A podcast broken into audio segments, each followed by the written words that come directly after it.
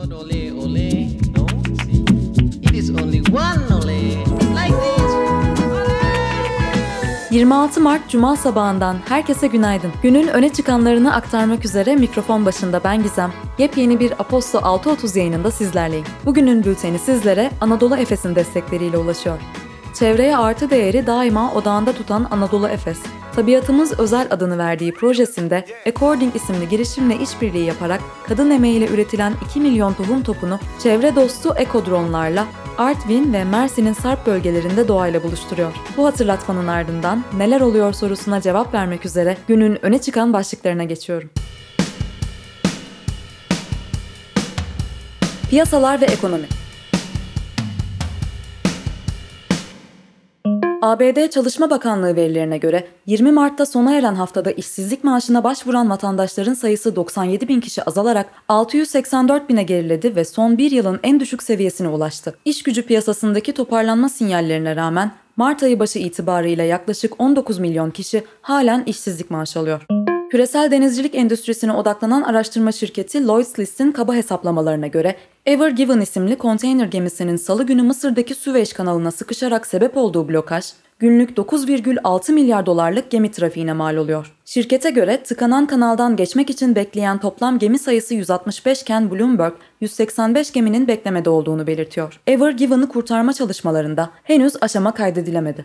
Uluslararası Kredi Derecelendirme Kuruluşu S&P Global Geçtiğimiz hafta sonu Merkez Bankası'nda yaşanan başkan değişikliğinin ardından olası bir kredi notu güncellemesi için Türkiye'nin çok istikrarsız durumunu takip ettiklerini açıkladı. Kuruluşun Ülke Kredi Derecelendirme Direktörü Maxim Ribnikov, görev değişikliğini çok büyük bir sürpriz olarak nitelendirerek durumun Türkiye'nin sermaye hesabını dayanıksız hale getirdiğini ifade etti.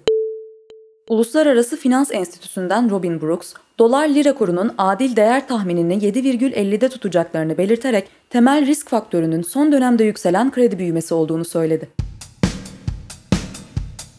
İş Dünyası Bloomberg HT'nin konuya hakim kaynaklara dayandırdığı haberine göre Ziraat Bankası Genel Müdürü Hüseyin Aydın bugün yapılacak genel kurul toplantısında istifa kararını açıklayacak. İddiaların ardından Oda TV'ye açıklamada bulunan Aydın, istifa etmiyorum ancak yönetim kurulu toplantısında görevimi bir başka arkadaşa devrediyorum, olağan bir süreç ifadelerini kullanırken yeni görevinin ne olacağına dair soruya ise onun için ilerleyen zamanlarda açıklama yapılır cevabını verdi. Global Yatırım Holding'in iştiraki Natural Gaz, halka arzı için 8,5 lira sabit fiyatla 2 günlük talep toplama sürecini başlattı.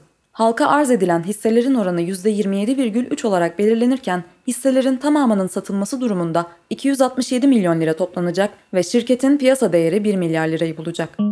Zorunlu çalıştırma politikaları nedeniyle Sincan Uygur Özerk Bölgesi'nden pamuk almayı durdurduğunu açıklayan İsveç merkezli giyim şirketi H&M'le daha önce bu konuda endişelerini dile getiren Nike, Adidas, New Balance ve Burberry gibi markalara yönelik olarak Çin'deki tüketiciler ve Çin merkezli e-ticaret platformları tarafından boykot kampanyası başlatıldı. Dün gece itibarıyla Pinduoduo, JD.com ve Alibaba'nın iştiraki Taobao'da H&M ürünlerinin satışı durdurulurken arama motorları olan Baidu ve Gaode'de H&M mağazalarının konum bilgileri silindi. Ford, Mondeo model sedan araçlarının Avrupa'daki üretimini 2022 başı itibariyle kademeli olarak azaltarak elektrikli ve spor araçların üretimine odaklanacağını açıkladı. Bununla birlikte şirket, Avrupa'daki binek araç yelpazesinin 2026'nın ortalarına kadar tamamen elektrikli veya hibrit, 2030 itibarıyla ise tamamen elektrikli olacağını bir kez daha ifade etti. Ford, geçen yılın son çeyreğinde 2025'e kadar elektrikli araçlara 22 milyar dolar yatırım yapacağını açıklamıştı. General Motors, geçtiğimiz yıl yaklaşık 6 aylık bir maceranın ardından faaliyetlerine son veren kısa video yayın platformu Quibi'nin eski CEO'su Meg Whitman ve ABD Ulusal Basketbol Ligi, NBA'in operasyonlardan sorumlu başkanı Mark Tatum'ı yönetim kuruluna dahil edeceğini açıkladı. Söz konusu atamaların ardından General Motors'ın yönetim kurulundaki toplam kişi sayısı 7'si kadın, 6'sı erkek olmak üzere toplam 13'e çıktı. Politika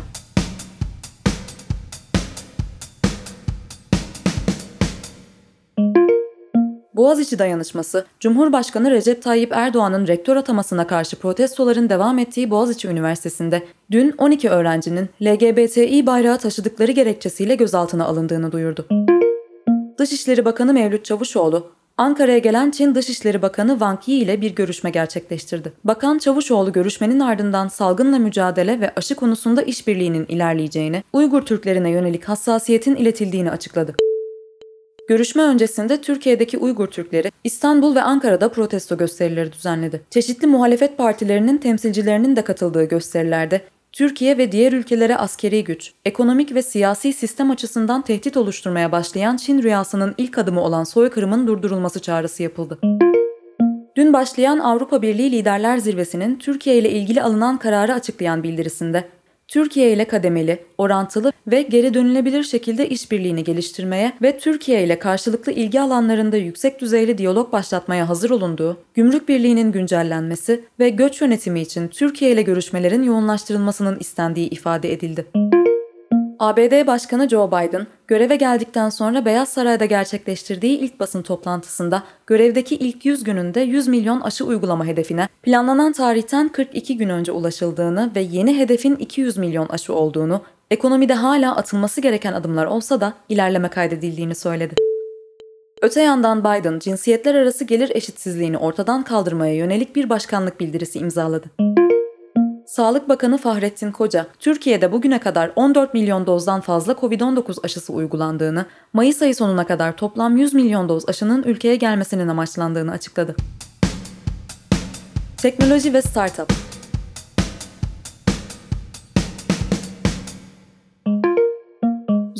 geliştiricilerin Zoom'u kendi yazılımlarına entegre etmesine yardımcı olmak için yeni bir yazılım geliştirme kiti yayınladı. Geliştiriciler bu yazılım geliştirme kitiyle Zoom arayüzüne bağlı olmadan kendi çalışmaları için Zoom platformunda video tabanlı uygulamalar ve internet siteleri oluşturabilecek veya Zoom'un özelliklerini doğrudan kendi uygulamalarına aktarabilecek.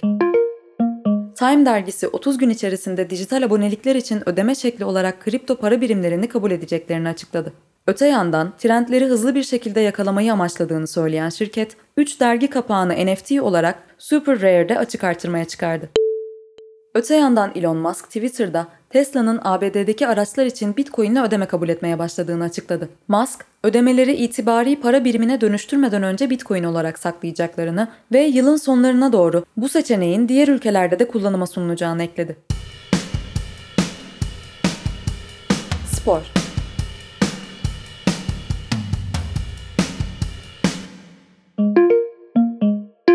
Fenerbahçe Teknik Direktör Erol Bulut'la yollarını ayırdığını açıkladı.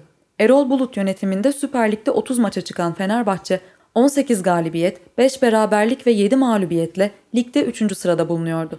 Sezonun geri kalanında takımı sportif direktör Emre Belözoğlu yönetecek. NBA'de ise takas döneminde önemli değişiklikler yaşandı. Bu değişikliklere ve günün öne çıkan karşılaşmalarının sonuçlarına ise bültenimizden dilerseniz ulaşabilirsiniz. It is only one Her cuma olduğu gibi bu cuma günümde de kulaklarınıza ulaşan sesin sahibi ben Gizem'leydiniz. Bugünlük de sizlere aktaracaklarımın sonuna geldik. Şimdiden herkese mutlu hafta sonları diliyorum. Tekrar buluşuncaya dek hoşçakalın.